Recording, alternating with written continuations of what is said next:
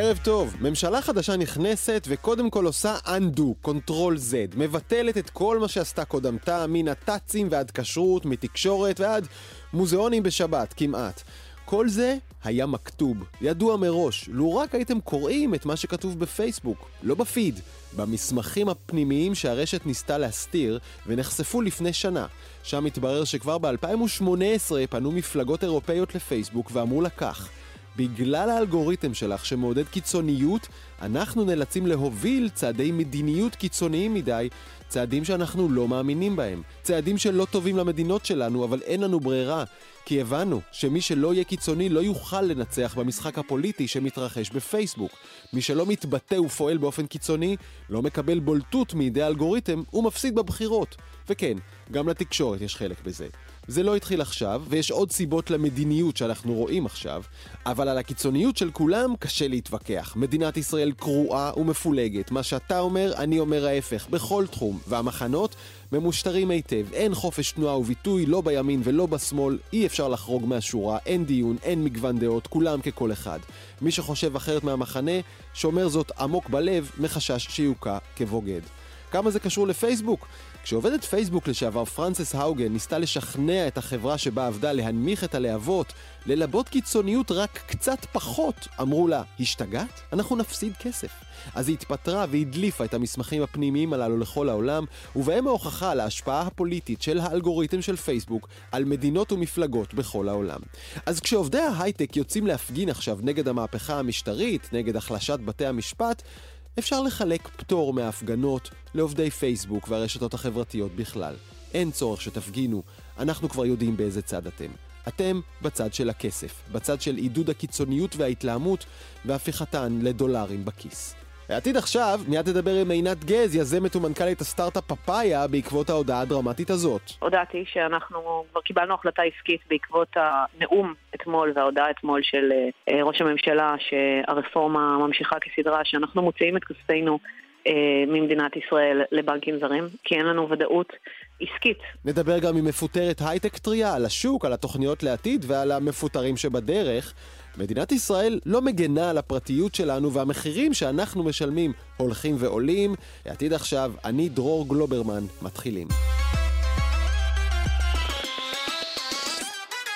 העתיד עכשיו, בריאיון מיוחד שערכנו הבוקר עם עינת גז, מייסדת ומנכ"לית פאפאיה, היא חשפה לראשונה שבעקבות הרפורמה שמתגבשת במערכת המשפט, החברה עומדת להוציא את כל כספי המאות מיליוני דולרים מישראל, והנה הריאיון. עינת, מדוע החלטתם להוציא את כספי החברה מישראל?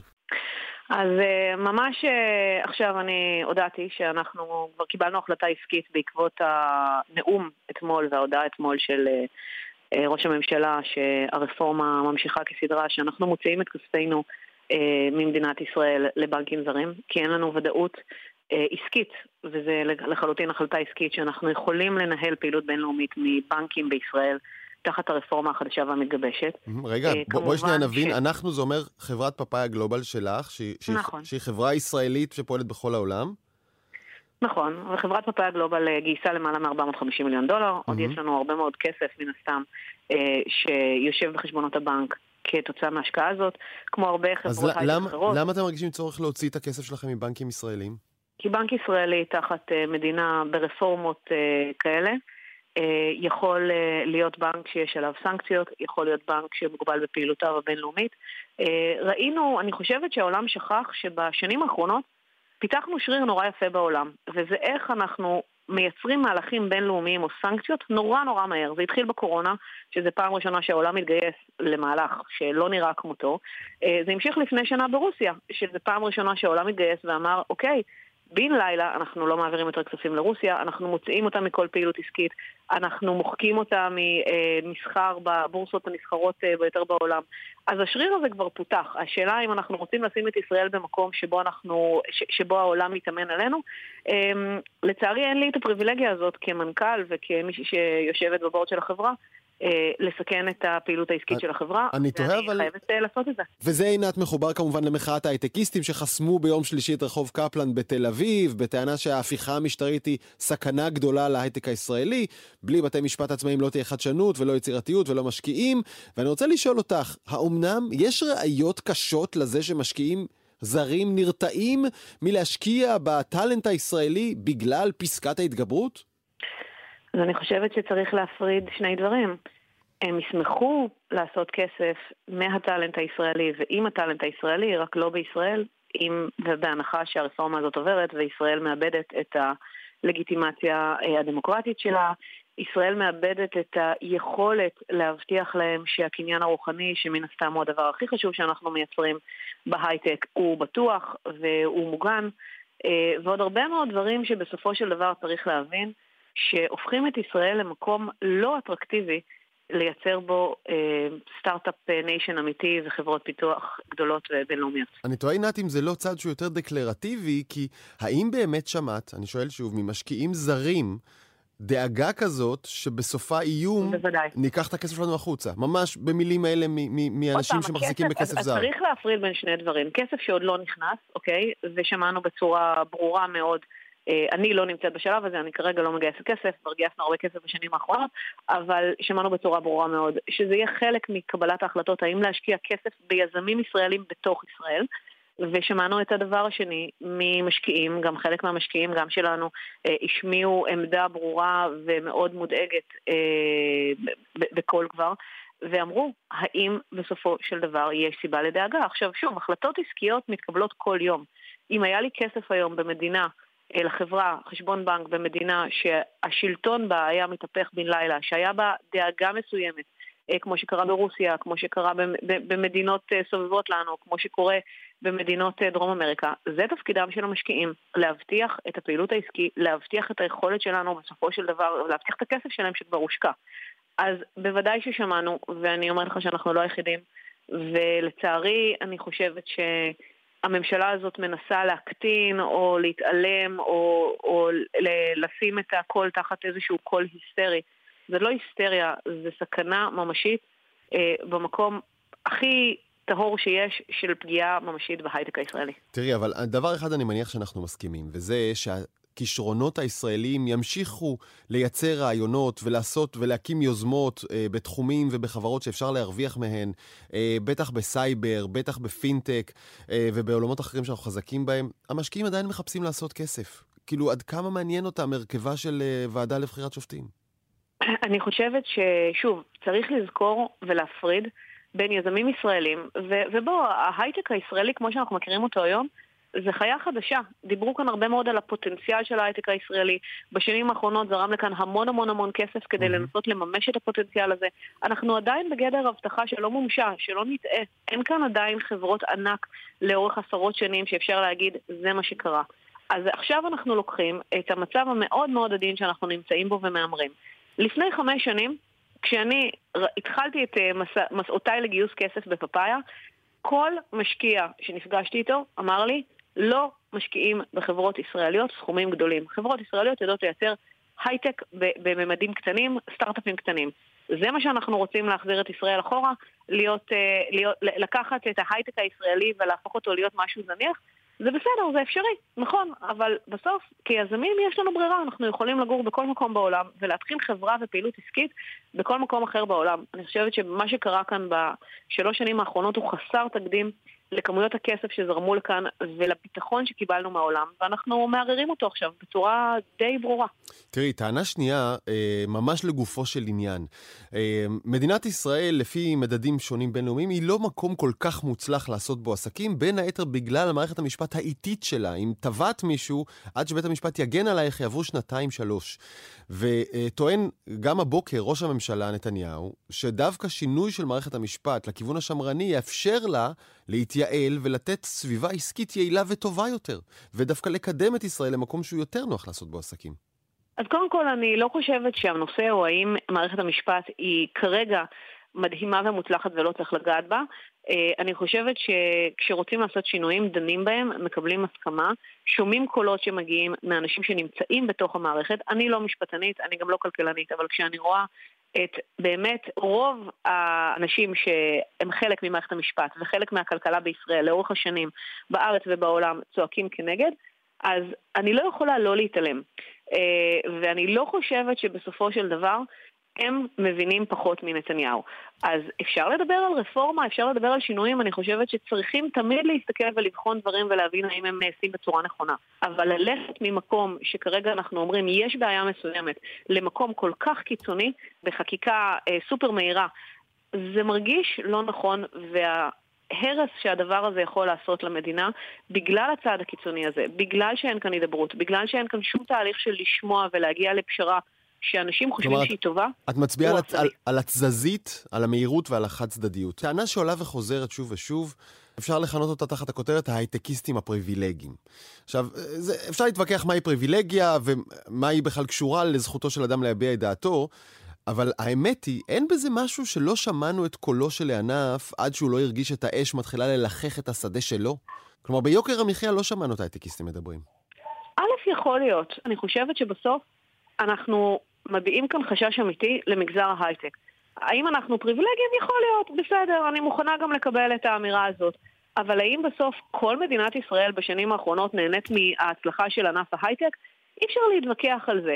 אז בסוף האם הכסף הזה שהיום נמצא במדינת ישראל יזרום החוצה ויזרום למקומות אחרים, האם המוחות האלה שעובדים כאן היום והטאלנטים האלה ילכו לשבת במקומות אחרים, האם זה לטובת המדינה? לא, אני חושבת שבסופו של דבר ההייטקיסטים הפריבילגיים הם, מהמגזר משלמי המיסים הכי גבוה במדינת ישראל, וזה בסדר גמור, ואני חושבת שכולנו שמחים ונהנים לראות את ישראל מצליחה בזכות מגזר ההייטק, כמו בהרבה דברים אחרים, וזה מביא הרבה מאוד גאווה, גם אישית וגם uh, למדינה.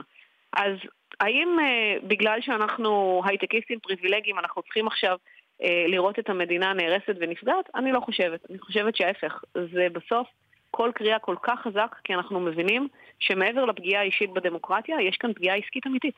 עינת גז, מנכ"לית ומייסדת uh, של פאפאיה גלובל, נחזור לנקודה שממנה התחלנו, uh, אחרי שהחברה שלך הוציאה את כספה uh, מישראל. עוד לא הוציאה. עוד לא הוציאה, אבל מתכוונת לעשות זאת. האם את רואה נכון. מצב שבו אם הרפורמה הזו עוברת אה, כעיקרה או כלשונה, החברה עצמה, המטה, את, תצאו מישראל?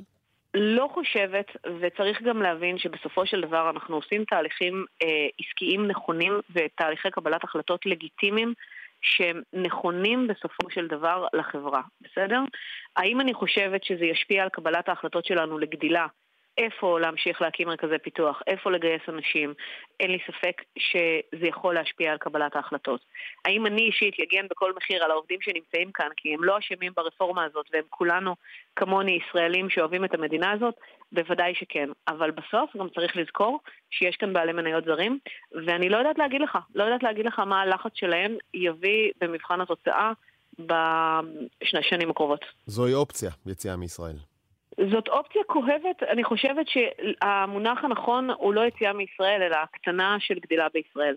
וזה צריך להדאיג אותנו לא פחות. כי בסוף מי שנמצא כרגע בהייטק, שוב, יש לו כבר ברירות, הוא כבר חלק מהמעגל הזה, אה, הוא כבר יודע להסתדר, הוא גם יכול לצאת מפה ולהמשיך. מי שעוד לא נכנס למעגל הזה, השאלה אם אנחנו עוצרים אותו ואומרים, זהו, ההייטק כבר, בישראל כבר לא פתוח בשבילך, או שאנחנו מאפשרים לו איזושהי הזדמנות אחרת, ואנחנו עוצרים את הרפורמות האלה, שהן לא בריאות. תודה רבה, עינת גז, מנכ"לית פאפאיה. תודה רבה. ואנחנו ראינו איך ההודעה שלך מהבוקר אה, סחפה תגובות רבות במערכת העסקית והפוליטית, ועוד נראה האם מדובר בצעד בודד או בתחילתו של גל עזיבות שלם. ובעניין הזה אנחנו רוצים לפנות אל חמי פרס, שותף מנהל בקרן פיטנגו ואחד מבכירי ההייטק הישראלי. ערב טוב, חמי.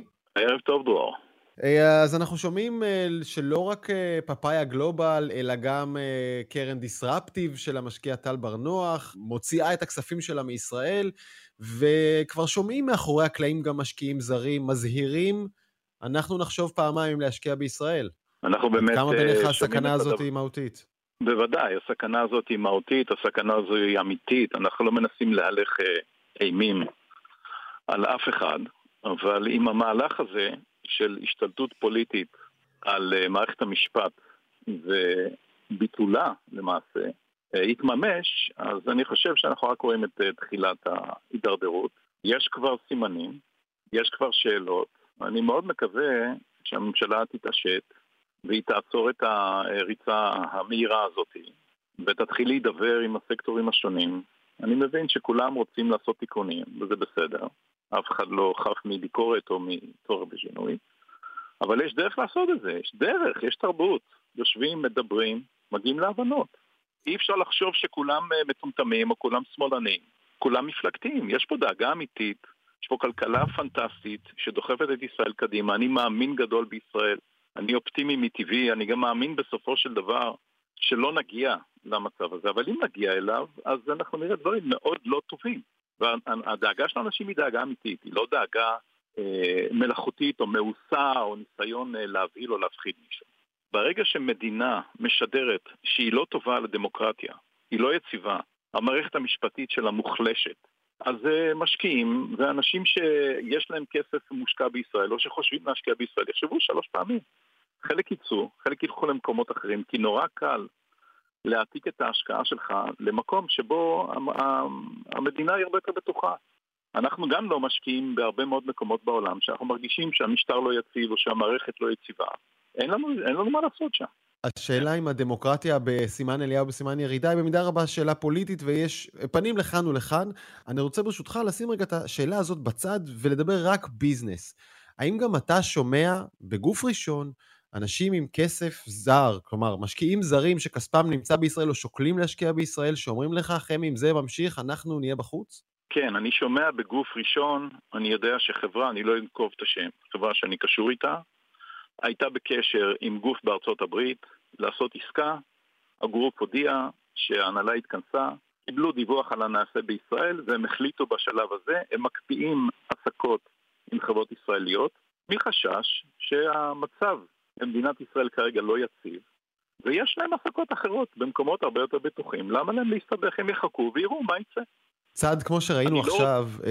להוציא את הכסף מישראל, זה לא טיפה מהר מדי ומוקדם מדי? אה, היית ממליץ את זה גם לחברות אחרות שאתה מושקע בהן, לקחת את ההון שהם גייסו ולהוציא אותו מפה? אני לא ממליץ לאף אחד לעשות שום דבר נמהר. אני ממליץ לשבת ולהידבר, אני ממליץ להפסיק את ההתנצחות ואת ההתנגחות הזאת. אני ממליץ לממשלה להקשיב בשום לב למה שאנשים אומרים. אם לא ייעצר המחול הזה, אז דברים לא טובים יקרו, בוודאי. אני מאוד מעריך את עינת גז, אני חושב שפאפאיה גלובל היא חברה פנטסטית. יש להם בורד שמורכב גם מישראלים וגם מזרים, אני מניח שיתקיים שם דיון, אני באמת לא יודע. אבל אני חושב שאם הדבר הזה אה, קרה, זה צריך להיות סימן אזהרה. הרי עינת היא לא בן אדם שהוא אנטי-ישראלי, היא חיה, היא בונה את המשפחה שלה, היא בונה את החברה פה, היא פועלת בכל העולם, ואני לא, בטוח שהיא לא התכוונה לעשות משהו שיגרום למישהו לכעוס עליה לשנוא אותה. תגיד, לא ייתכן שדווקא הצעדים הללו, ודווקא הצעדים הללו והקריאות מתוך ענף ההייטק הן אלה שירתיעו את המשקיעים הזרים? הם יגידו, אוקיי, לא. אם היזמים כל כך מבוהלים, לא. כנראה שיש לזה סיבה. תקשיב, אנשים בעולם לא מטומטמים. הם רואים חדשות, הם קוראים מה שקורה, הם קוראים את הרשתות, כולם מבינים היטב מה קורה במדינת ישראל. מדינה שלא תשדר יציבות, מדינה שתתנגש עם התעשייה, מדינה שתנסה לכפות את כוחה על מערכת המשפט, בסופו של דבר תגרום לערעור היסודות של הדמוקרטיה במדינת ישראל, היא תבריח את כולם. את הדבר הזה צריך להפסיק. אני לא אומר את זה כדי להתנגח, אני אומר את זה כדי לעצור לרגע, לשבת ולהידבר, לנהל דו-שיח תרבותי. תקשיבו לאנשים שמדברים. הערכה שלך, חמי אה, פרס, פאפאיה היא הסנונית הראשונה? נראה עוד חברות רבות ששולפות מכאן כסף, היא... עסקים ועובדים החוצה? היא סנונית, היא לא ראשונה. תקשיב, יש הרבה דברים שקורים שאנשים לא מדברים עליהם. באמת, כי לא רוצים לעורר תבהלות, אבל זה לא הדבר הראשון שאני שמעתי. ואני באמת לא רוצה להלך אימים. אני מאמין במדינת ישראל, אני חושב שזו המדינה הכי טובה בעולם, אני חושב שהעתיד שלה מדהים. שיש פה יזמים ויש פה תעשייה מדהימה. המקום הכי טוב לחיות בו, אוקיי? אבל אני לא מבין מה קורה פה, מה זה הטירוף הזה? מדוע לא עוצרים? מדוע לא מדברים? מדוע לא מנהלים שיח? למה כל מי שמביע את דעתו הופך להיות uh, שמאלן או בוגד או אידיוט? אני לא צריך להבין את זה. לאן רוצים להגיע? תודה רבה, חמי, ערב טוב. תודה לך, דור. ביי. לעתיד עכשיו, דמיינו את זה, פתאום ב-11 בלילה נוחת לכם מייל חדש בתיבה, ובו כתוב... היה ממש נחמד, תודה רבה על ארבע שנים, את מפוטרת, וביי. ליזה כץ, את קיבלת את המייל הזה. זה נכון, היה בהחלט 11 וחצי בלילה, אני יושבת בסלון עם הבן זוג שלי, ופתאום אני מקבלת מייל שבו אומרים שלום שלום, תודה רבה ל-13% מהחברה שלנו. וואו, 13% מתוך 2,500 אה, עובדים, אה, ואת כן. בתוכה מה עשית בחברה? אה, הייתי בהתחלה אה, מתכנתת, ואז הפכתי לראש צוות, בדיוק עבדתי על להקים צוות בזמן שזה קרה. כמה הופתעת? למען האמת די הופתעתי, כי דיברו איתנו הרבה על זה שזה לא הולך לקרות, וזה היה אה, די מוקדם בגלל הפיטורים הנוכחי, זה היה בשבוע השני של דצמבר. אז תכלס לא ראיתי את זה מגיע, אפילו דיברנו על נסיעה לחו"ל של כל החברה ב-2023. ואם נחזור לאותו לילה ב-11 וחצי, איך, באמת, איך, איך מרגישים כשמקבלים בשורה כזו בצורה כזאת? כן, זה החלק הבאמת מוזר. אמ, אני עובדת בחברה, עבדתי, עבדתי, אני כבר לא עובדת. בחברה לא ישראלית, כן, כן. בחברה לא ישראלית, וגם עבדנו מרחוק הרבה, הצוות שלי גם היה בחו"ל, אז הרבה דברים קורים באינטרנט, לא נפגשים כל יום עם הקולגות. אבל uh, לא ראיתי את זה כל כך מגיע. כן, זה היה פשוט מאוד מוזר, אני עדיין קצת בשוק מזה. זה, זה בגלל מוזר כי אתה בבית, כרגיל שמפטרים אותך, אתה במשרד, או כאילו, אתה יודע, אתה נמצא אתה במשרד של המנהל, אתם יושבים, אתה מסתכל לו בלבן של העיניים, הוא מסתכל לך ועושה כאילו עצוב. כן, אבל, כבר uh... מהזימון אתה מבין שמשהו הולך לקרות, ובישראל גם צריך כן, שימוע. כן, בדיוק. יש לך איזה זמן נכון. להתכונן, להתכונן רגשית לסיפור הזה. כשאתה עובד בחברה לא ישראלית, זה פשוט פטיש חמש קילו על הראש. בום. היה לי שימוע, אבל זה היה בשביל הפורמליות. כאילו, okay. זה היה אוקיי. שימוע בזום של שתי דקות. אז... אה, וואו, מה זה, זה, הכל, זה, כאילו, זה, הכל היה חוקי. זה, זה, זה ברור, אבל את יודעת, זה, זה ברמה הרגשית שלך, מה זה, זה התפרקות, זה בכי, זה, זה טראומה? כן, אני, אם הייתי עכשיו ג'וניורית, אם הייתי מישהי ששנה, שנתיים בתעשייה, ואני חושבת שלהם זה פי עשר יותר קשה, mm-hmm. אז אני לא, אני גם לוקחת את זה בפרופורציה, אז יש מצב שהייתי מגיעה לשם, ואני זוכרת שב-2008 נגיד שזה קרה לי, אז ככה בערך הגבתי. אה, אבל מי שהיה בהייטק מספיק שנים, ואני כבר 20 שנה בהייטק, מתכנתת, ראש צוות, מגוון תפקידים, אז אתה יודע שהדברים האלה קורים, אתה יודע, יש את כל הבום הגדול, שזה נראה לכולם מבחוץ, יש מלא כסף, טסטות בחינם, ארטיקים במסדרון, אבל אז uh, מגיעה תקופה של uh, נפילה, וזה חלק מהמקצוע הזה. אה, באיזה מקצוע אחר יש לך, מודיעים יום אחד, עשר אלף אנשים מפוטרים פה, חמשת אלפים מפוטרים פה, זה לא קורה במקצועות אחרים. אז אה, לקחתי את זה בפרופורציה, ומה שכן, ישר אני והבן זוג שלי התיישבנו וממש בוקר אחרי עשינו הערכת מצב, להבין מה, מה הלאה. כלכלית. ותעסוקתית. כלכלית וגם תעסוקתית, תכף... וגם גם אישית, גם לא להשתגע בבית, כאילו, סתם לשבת ולא לעשות כלום. אז תכף נדבר על, ה... על ההווה ועל העתיד שלך, אה, ליזה, אבל אני רוצה להגיד גם ערב טוב לסופי mm-hmm. שולמן מכלכליסט. אה, ליזה שלום, היא... ערב טוב. שלום, סופי. אה, ליזה היא מקרה אחד מיני רבים ועוד רבים שיבואו. בהחלט, היא עוד היה לה מזל, אליזה, סליחה כמובן, אני באמת, זה לא נעים לשמוע, זה סיפור עצוב, אבל היה לה עוד מזל שהיא לפחות הייתה באזור הזמן הנכון, שהיא ראתה את ההודעה. יש לא מעט סיפורים, אה, ורואים את זה בכל הרשתות החברתיות, ולא רק, שעובדים פשוט שקמו בבוקר, רצו לבדוק מיילים, לעשות כל מיני משימות, וגילו שהם מנותקים מהמחשבים של החברה, ורק אז הם uh, עשו reverse engineering והבינו שהם בעצם פוטרו בזמן שהם ישנו כן, בלילה. כן, אחרי שהם עשו ריסטארט למחשב ונענעו את האינטרנט קצת בשביל להבין איפה הבעיה, הם קלטו שהבעיה היא שהם מפוטרים. בהחלט. ואף אחד ו... לא הודיע להם אלא בניתוק כל השירותים. בהחלט, ואנחנו רואים גם את התרבות המאוד האמריקאית הזאת אה, של אומנם אנחנו משפחה אחת וגוגלרס או אה, אה, כל אה, חברה אחרת, כמו שתמיד הם אוהבים לכנות את העובדים שלהם ויקרים, ואנחנו מצטערים, ואתם משפחה, ואנחנו אוהבים אתכם, ואתם תרמתם, אבל סליחה, אנחנו עשינו טעות. מי עשה את הטעות? המנהלים עשו את הטעות של מנת היתר של כסף אה, בשנים הטובות, שתורגמה למנת יתר של עובדים שגויסו בלי הבחנה. ועכשיו חותכים, אבל מי שמשלם את המחיר זה לא המנהלים שהולכים הביתה, כמובן אלא העובדים. ואנחנו רואים שמאמצים את התרבות הזאת, היא מתחילה לחלחל גם לישראל. אמנם פה חוקי העבודה מחייבים אה, שימוע ותקופה יותר ארוכה של אה, המתנה בין ההודעה הראשונית ועד שבאמת הולכים הביתה, אבל גם פה מתחילה התרבות הזאת של אם קיבלת מייל זה אומר שאתה מפוטר, אם לא קיבלת מייל אתה כנראה ממשיך לעבוד, אבל תבדוק ליתר ביטחון בתיבת דואר זבל, כי אולי שם מחכה לך הודעה על הפיטורים. אנחנו צוחקים, אבל זה כל כך נורא, באמת. אנחנו רואים מהימים האחרונים עוד ועוד הודעות של אה, חברות ענק מהעולם, אה, מייקרוסופט, מטא כבר פיטרה, גוגל מפטרת, אמזון כבר פיטרה, אינטל כנראה בדרך, אה, כולן מפטרות מעל עשרת אלפים איש, וזה גם יגיע אוטוטו לישראל, נכון? עוד לא הרגשנו את זה ממש, תכף זה בא, הגל. בהחלט, אנחנו גם הרגשנו. הרגשנו. בישראל גם פוטרו כבר קרוב ל-8,000 עובדים. יש האצה כמו שהערכנו בחודשיים האחרונים, ככה, כי בהתחלה חיכו שיהיה אחרי החגים אה, בישראל, ואז היה איזשהו חלון כזה שזה לפני חג המולד וכל החגים בארצות הברית. מתחילה עכשיו עונת הדוחות בוול סטריט, חברות, אה, כל חברות הטכנולוגיה יפורסמו לא רק את התוצאות, אלא יותר מעניין מזה, תחזיות שלהם קדימה ל-2023. משם יגזרו כל הסטארט-אפים גם את ההבנה מה הולך להיות מצבם, כמה החברות הגדולות מתכוונות לקנות מהם, מה מצבן האמיתי, ואנחנו נראה כנראה עוד איזשהו אה, גל של קיצוצים, למרות שמתחילים טיפה לדבר... למרות שטיפה מתחילים לדבר בשוק על זה שאחרי שכל הענקיות חוץ מאפל בעצם עשו את החיתוך המשמעותי הזה, mm-hmm. אז יש טיפונת יותר ודאות ואיזושהי תחושה שאולי הכי גרוע כבר מאחורינו, אבל כמובן אף אחד לא באמת אה, יודע. כי בוא, עכשיו בוא יש נס... טנקים חדשים בדרך לאוקראינה, ולך תדע מה, מה יקרה שם. אז בואי ממש בזריזות ננסה למנות את הסיבות ללמה זה קורה דווקא עכשיו. אה, הראשונה שהכי מעניינת אותי אישית, אה, זו העובדה שבסוף הקורונה גילינו שאורח החיים הדיגיטלי שהרבה מאוד אנשים אימצו במהלך הקורונה, קנו הרבה מחשבים ותוכנות וקניות מרחוק, לא נשאר איתנו, וכשהקורונה הלכה הרבה אנשים חזרו להרגלי החיים הקודמים שלהם, עם קצת פחות דיגיטל בחיים. לא כזה מפתיע, האמת. אה, אז זאת סיבה אחת, מה עוד?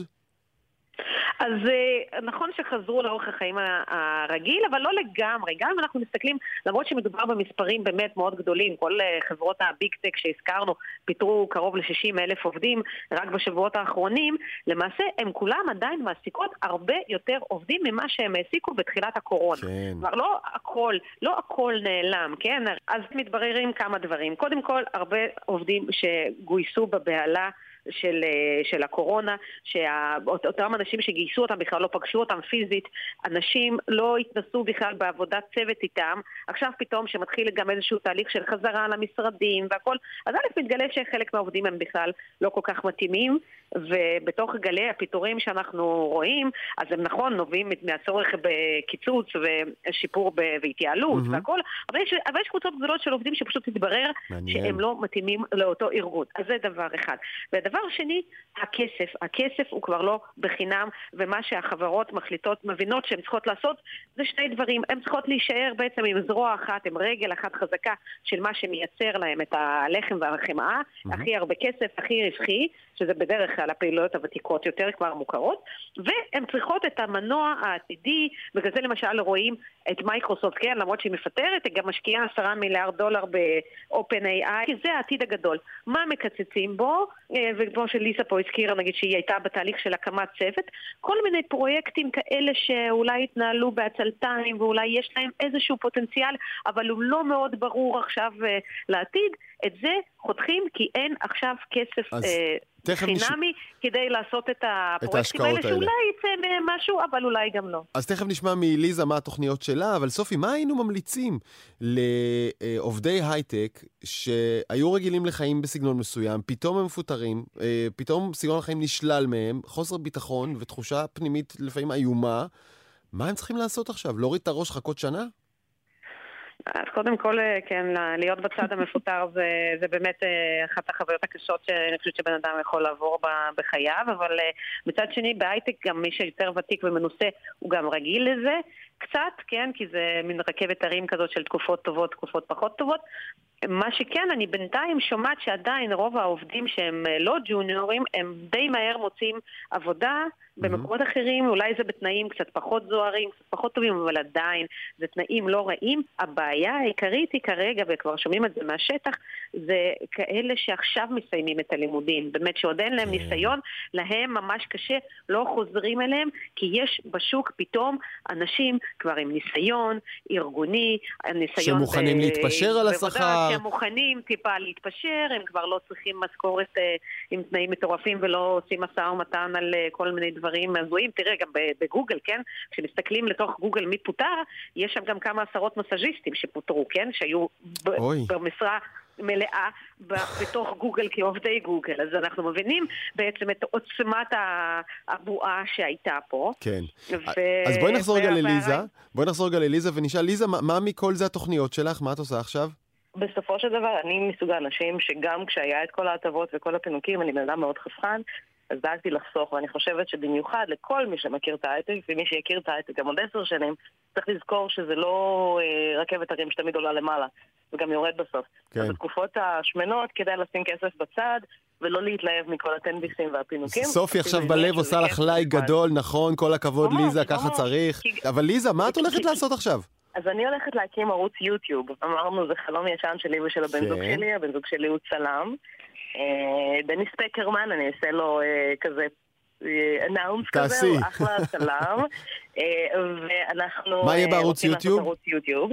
אני בשונית, אז אני מבשלת, זה ערוץ באנגלית, אנחנו פונים לקהל האמריקאי, וזה לא סתם מתכונים, זה גם תוכן בידורי, אנחנו מנסים ליצור כזה פורמט של תחקירים על שפים, עם מתכונים והכל. אז עוד הפכנו את הבית שלנו לסטודיו עכשיו, יש חצי שנה, ואחרי זה... אני אלך לחפש אה, איך לעשות אה, נגרייה יותר דיגיטלית.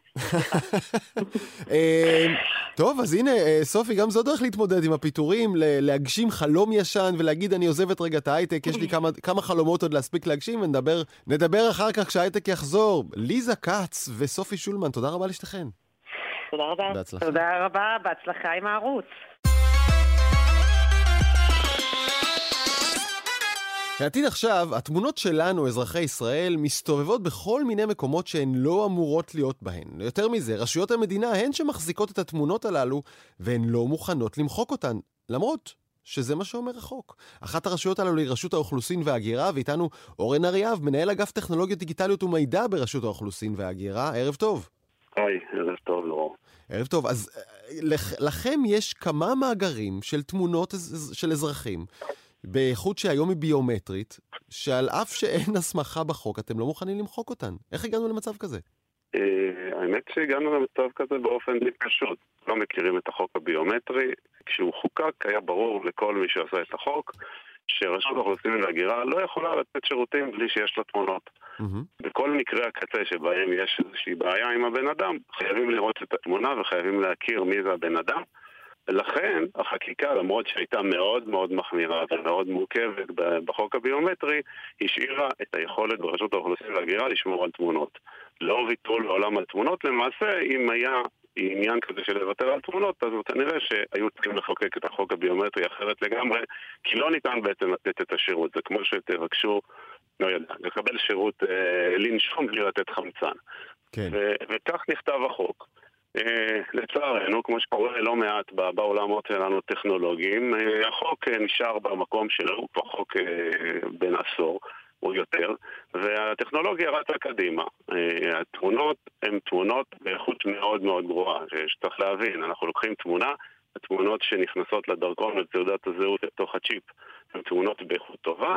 התמונות שנשארות אצלנו הן תמונות שהן גם הופכות להיות תמונות בשחור לבן, בגווני האפור מה שקוראים, mm-hmm. ובנוסף לזה יש אלגוריתם נוסף שלוקח על התמונה הזאת ויוצר בה כל מיני נקודות שחורות על מנת לפגוע עוד באיכות התמונה, שאפילו לא תהיה סתם תמונת שחור לבן גרועה.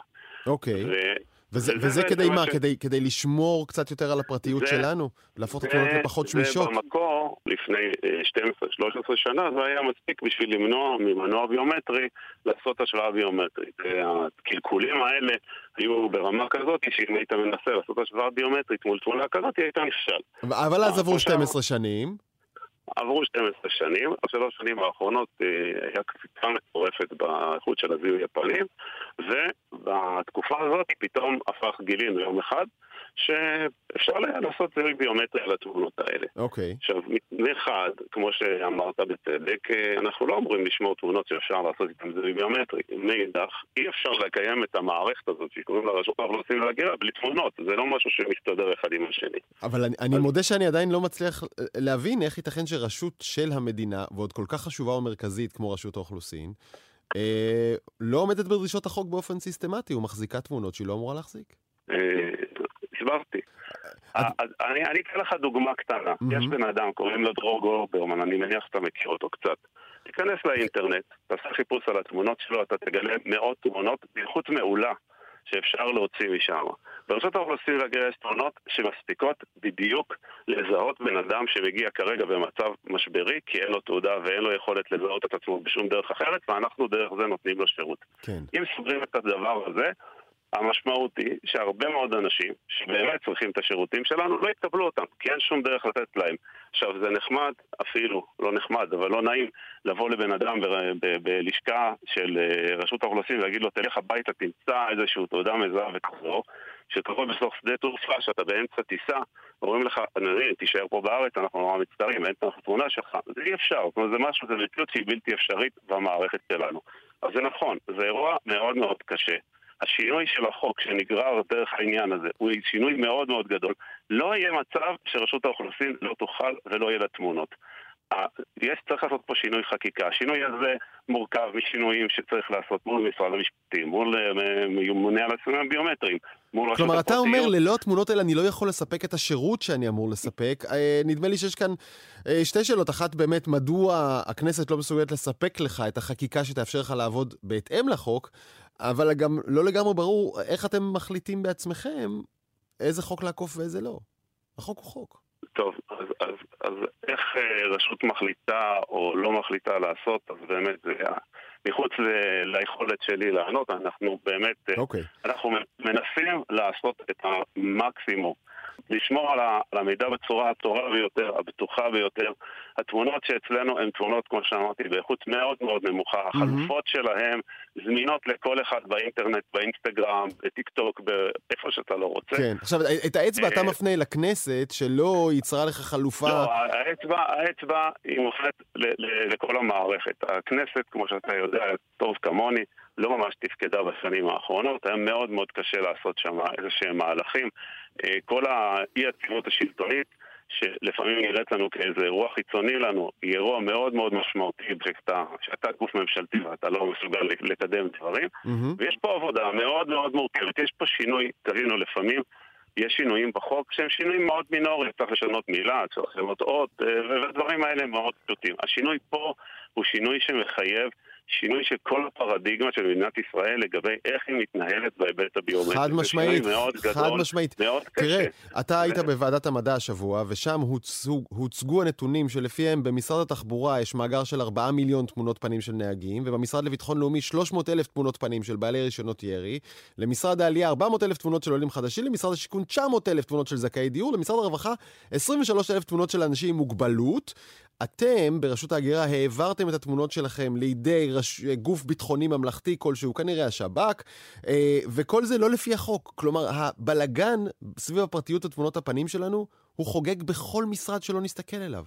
כל המשרדים שמנית, הכל אמת, בסדר? כל, כל מה שאמרת במובן הזה מדויק, אבל לא לכולם יש חוק ספציפי שיוצר להם בעיה, כמו לרשות האוכלוסין וההגירה. Mm-hmm. אבל באופן כללי אתה צודק, יש בעיה גדולה מאוד בנושא של תמונות הפנים, שחלק מהבעיה נגרמת מהצורה שבה נחקק החוק הביומטריה. הוא, הוא מצד אחד, הוא ניסה מאוד מאוד להגן על משהו אחד, והוא יצר כאוס בצד השני, כי, כי, כי הגופים שצריכים לתת שירות, בסוף צריכים לתת שירות, ו, ותמונות הם משהו מאוד מאוד מהותי בתוך מהלך השירות הזה.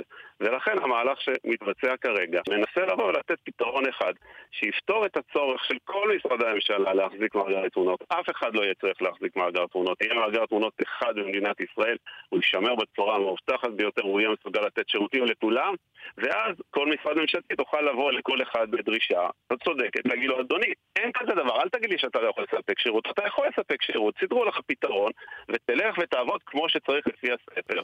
והיום אין ספר, היום יש בלאגן, אני מסכים איתך, יש חוסר מאוד גדול בעניין הזה, דרך אגב, בעניין הזה אנחנו והממונה על יישומים ביומטריים רואים עין בעין, ואנחנו חושבים שצריך לעשות פה מהלך. כלל ממשלתי, מסודר, כן, לא ייצר בעיה כזאת, נד... וזהו. נדמה לי שעל זה אנחנו יכולים להסכים שקצב התקדמות הטכנולוגיה מייצר אתגר אדיר למקבלי ההחלטות ולמחוקקים, אה, שאי אפשר יותר להתמהמה מולו ואי אפשר לא לדעת דברים, צריך ללמוד מהר ולקדם חקיקה, אה, וגם, סליחה שאני אומר את זה, לעמוד בדרישות החוק, גם זה חשוב. אורן אריאב, מנהל אגף טכנולוגיות דיגיטליות ומידע ברשות האוכלוסין וההגירה, תודה רבה. תודה רבה לך.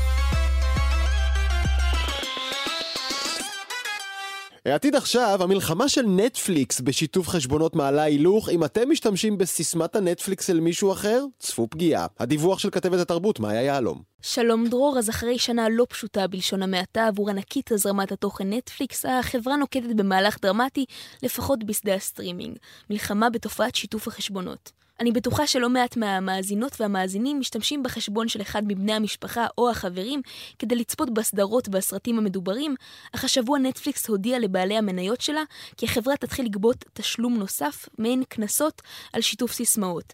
בהודעה נכתב, שיתוף החשבונות הנרחב היום מערער את היכולת שלנו לחשב לטווח ארוך, להשקיע ולשפר את נטפליקס, כמו גם לבנות את העסק שלנו. אנחנו מכירים בכך שמדובר בשינוי עבור מנויים שמשתפים את החשבון שלהם, כך במכתב לבעלי המניות. החברה עדיין לא הוציאה הודעה רשמית על תמחור למנויים שמשתפים את הסיסמה שלהם, אבל לפי המחירים בתוכנית הניסוי הם יהיו כרבע ממחיר מנוי בסיסי, מה שיסתכם בעוד שלושה או ארבעה דולרים לחודש. עוד לא ידוע מתי בדיוק השינוי המדובר יתחיל לפעול בארץ, אבל בכל אופן החברה נראית די נחושה בכוונותיה, למרות הסיכונים הכרוכים.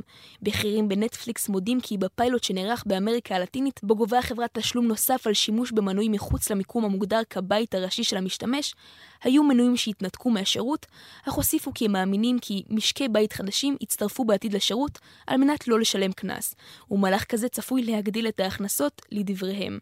נראה שכדי להישאר עם הראש מעל המים בשוק הסטרימינג הסבוך, נטפליקס מנסה לשלוף כל תעלול תאגידי או מסחרי כדי להגדיל את ההכנסות. תודה מאיה, ואנחנו שואלים אתכם, האם אתם חולקים סיסמאות של אנשים אחרים בנטפליקס, והאם תשקלו עכשיו להצטרף באופן חוקי וממש לשלם?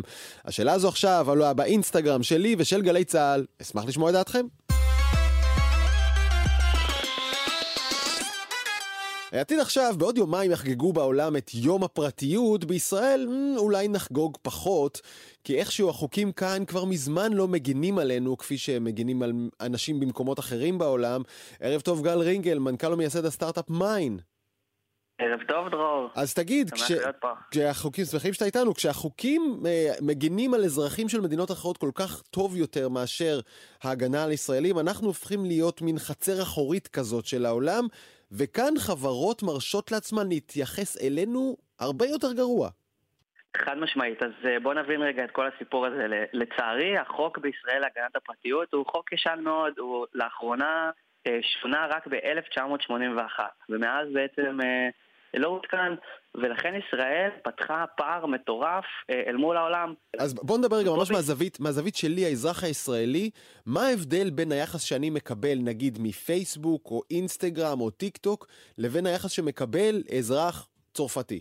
שאלה מעולה. אז כשאתה טס לאירופה, ולמשל אה, לוקח מונית של אובר, או אפילו של גט, בוא ניקח חברה ישראלית, ואתה חוזר לישראל, על פי החוק האירופאי, אתה יכול לגשת לאותן חברות שנתת להן את המידע שלך ולבקש מהן למחוק אותו. אממה, כשאתה ישראלי ומסתובב בישראל ופונה לחברות ישראליות ומבקש למחוק את המידע, חייבות לעשות את זה, מאחר ואתה ישראלי, והמידע שלך בעצם סופק בישראל. עכשיו, אני ממליץ לכל מי שמאזין לנו, נגיד אם אתם משתמשים אה, בשירותי מוניות של גט, או בשירותי ניווט של ווייז, או בגוגל מפס, או לא משנה מה, אתם יכולים בעצמכם לראות את ההיסטוריה של המידע. הם זוכרים כל מקום שהייתם בו בכל השנים האחרונות, ובגלל שאתם ישראלים, אין דרך למחוק את זה.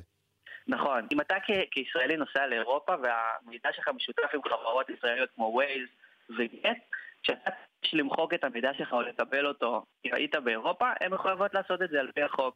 אבל כשאתה חוזר לישראל ואתה מבקש מהם את המידע שלך כשהוא נאסף פה בישראל, החברות האלה לא חייבות לעשות את זה. איפה, איפה עוד אני מופלה לרעה? ב... לא יודע, גוגל, פייסבוק, טוויטר, יוטיוב? בעצם כל החברות הבינלאומיות אה, מאפשרות לך בתור ישראלי, אם טיילת לאירופה או למדינות מסוימות בארצות הברית, להפעיל את כל הזכויות שקשורות לפרטיות, אבל אם אתה ת, תנסה לעשות את אותו דבר בישראל, הם יכולים להגיד לך שהן אה, שלא רוצות. אה, כן חשוב לציין שיש חברות ישראליות שכן לקחו את הדבר הזה צעד אחד קדימה, ורוצות ליישר קו ולתת את אותן זכויות לישראלים, אבל זה עדיין לא קורה בצורה מאוד רחבה. זאת אומרת, אנחנו ממש מופלים לרעה בכל מה שנוגע למידע ולפרטיות שלנו. כן, ו- ואולי הנקודה שחשוב להדגיש, כי אה, לפחות חצי מהמאזינות והמאזינים שלנו אומרים עכשיו, מושכים בכתפיים ואומרים, מה אכפת לי? אין לי מה להסתיר, אז ידעו איפה הייתי, אני לא מסתיר כלום. ואולי הנקודה שבעיניי חשוב להסביר אה, לאנשים זה, הבעיה היא לא עם המידע שאולי נחשף, אלא שהמידע הזה אה, אה, נעשה בו שימוש כדי לזהות את נקודות התורפה שלנו, נקודות החולשה שלנו, לטפטף לנו מודעות שמשפיעות עלינו הכי טוב, ובעצם הן משנות את שיקול דעתנו. זה העניין. מזיזים אתכם מאיפה שהתכוונתם להיות, כי יודעים עליכם כל כך הרבה. חד משמעית, חברת הביטוח שירביט שנפרצה לפני שנה וחצי ובעצם אה, פגעה באלפי אם לא עשרות אלפי ישראלים שהפרטים שלהם נגנבו ושובשו כנגדיהם לצורך גנבת זהות והסיבה ששירביט עברה ללא פגע או ללא לקיחת אחריות משמעותית היא כי אין חוקים בישראל, אין חוקי פרטיות שמייצרים כללי משחק. בואנה, זה, נקוד, על... זה נקודה מדהימה, גם שירביט וגם אטרף ועוד אתרים שנפרצו, ובכלל כשמידע דולף, אין סנקציה, אה? אין קנס, הכל בסדר. אין סנקציה, אין כלום, ובאירופה אם אותן חברות היו עושות את אותו דבר, הן היו מקבלות קנס של מיליוני דולרים. תשמע, אנחנו uh, רגילים להסתכל על מותגים ועל חברות רציניות ולהגיד לעצמנו, טוב, זו חברה רצינית, הם בטח ישמעו על המידע שלי כמו שצריך. מהצד השני, זה בסך הכל שיקול עסקי קר. כמה עולה להשקיע באבטחה של המידע הפרטי של הלקוחות שלי? מה הסכנה אם הוא ייפרץ? Uh, אז יש סכנת מוניטין בוודאי, אבל אם אין קנס, זה מוריד לגמרי את התמריץ שלי לשמור עליו. Uh, בואו נדבר רגע על מה אתם עושים במיין, איך זה עוזר? אז אנחנו במיין היינו החלוצים בהנגשה של המידע הפרטי שנאסף על ידי חברות למשתמשים. יש לנו אפליקציה שיודעת למפות את כל המידע הפרטי שאתם נותנים לחברות, להבין מה הסיכון הדיגיטלי שיכול להיות כרוך בכך, ואז בקליק לאפשר לכם לגשת לכל חברה ולבקש מהם למחוק את המידע שלכם. בעצם אנחנו... גם אם אתם ישראלים? בטח, כי מהדוגמה הקודמת, אם אתה ישראלי שמטייל באירופה, אתה זכאי לכך שהמידע שלך יימחק. אם תשתמש באפליקציה שלנו לשלוח אה, בקשה לחברה ישראלית, היא לא חייבת לבצע את זה, זה באמת חלק מהאפליה שאנחנו אה, מקבלים, והמטרה של כל האפליקציה היא לעזור לנו להיות יותר בטוחים באינטרנט, יותר במודעות ולהבין מה קורה עם המידע שלנו מאחורי הקלעים. טוב, אני עכשיו נכנסתי לאתר שלכם, והוא טוען ש-1155 חברות מחזיקות אינפורמציה עליי, ומתוכן... וואו, כל הכבוד.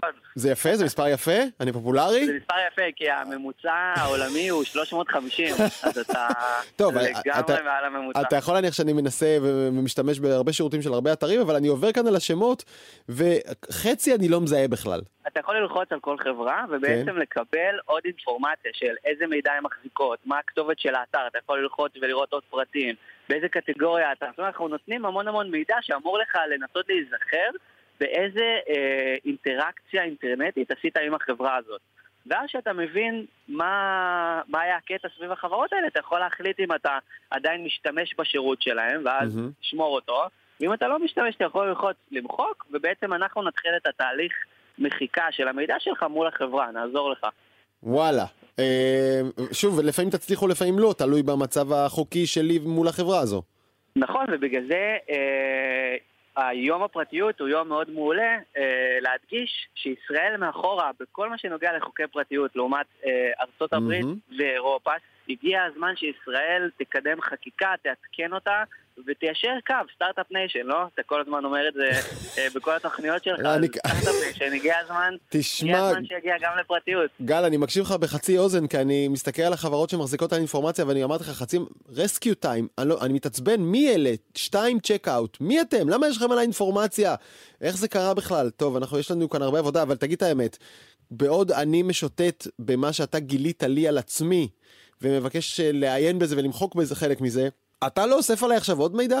שאלה מעולה. אנחנו עושים את כל מה שראית עכשיו עם לא לאסוף מידע פרטי שקשור אליך. כל מה שאנחנו מחזיקים עליך זה הכתובת אימייל שלך, השם שלך והשם משפחה, כי בעזרת שלושת הפרמטרים האלה אנחנו מאפשרים לך לגשת לחברות ולמחוק את המידע. אנחנו לא יודעים מי אתה, אתה איזשהו מספר אצלנו במערכת, אנחנו לא מסתכלים על איזה חברות מחזיקות את המידע שלך, אלא אנחנו עושים את הכל בצורה ששומרת על הפרטיות שלך, וזה מה שמאפשר לנו לגדול. ואגב, מתוך הארבעה מיליון משתמשים שיש לנו עד היום, אני גאה גם לספר שהצלנו יותר מחצי מיליון משתמשים. הצלנו את המידע שלהם מלהיפרץ, מלהיגנב, מלהגיע לידיים אה, לא אחראיות, שבסופו של דבר היה יכול לפגוע בהם. ונזכיר שוב, כשהמידע שלכם נפרץ, או שמשתמשים בו נגדכם כדי להזדהות בשמכם ולהתחזות אליכם, או שמשתמשים בו כדי להשפיע עליכם באופנים כל כך מתוחכמים שלא תשימו לב. גל רינגל, מנכ"ל ומייסד מיין, תודה רבה. תודה רבה, דרור, שיהיה שבוע טוב. ולקראת סיום, אנחנו נחפזים אל כתבנו בדרום, רמי שני, מגיש הפודקאסט מה שקורה מחר, וגם כתבנו בדרום, שלום רמי. שלום דרור, שלום למאזינות, למאזינים. בואו נדבר היום על מערכת הגנה ייחודית. מדובר על מערכת הגנה של אה, רכבות. תראה, מערכות תשתית של אה, רשת רכבות חשופות מאוד לתקיפה של האקרים בגלל סיבה מאוד משמעותית. יש להן כוח עצום, אה, נוצרות בתוכן יכולת, יכולות מרשימות ביותר. האקר יכול לנצל את הדבר הזה, להשתלט על הרשת כדי לנצל את כוח המחשוב שלה למט... למטרות אחרות, כמו למשל קריאת uh, מטבעות רשת, כמו ביטקוין או אחרות, ממש כמו טפיל או עלוקה. חברת סרבלו פיתחה מערכת שנועדה לאתר ניסיונות השתלטות כאלה ומניעתן. Uh, שקד קפצן, איש החברה, מספר על האיום עצמו וגם הביא לזה דוגמה. היה בעיה עם התיאור אוויר של התחנה, שכל פעם הציג אה, הודעה שלילית, כביכול, לפי הנוהל. צריך לפנות את האנשים מהרכבת. לאחר שחיברנו את מערכת סרבלו, ראינו שבעצם התקשורת וכל מה שקורה שם עם אה, אותו רכיב, שהיה באמת רכיב בעייתי, שהמערכת שלנו ישר הקפיצה, ותוך רגע בעצם זיהינו מישהו שמשתמש בתשתית הרכבת. אפשר אם כן להבין שבתוך מערכת תשתית אה, רשת של רכבת, אם היא לא תהיה מספיק מוגנת, ניתן להריץ בנק שלם, אפילו בורסה, בלי שאף אחד ישים, ישים לב לכך.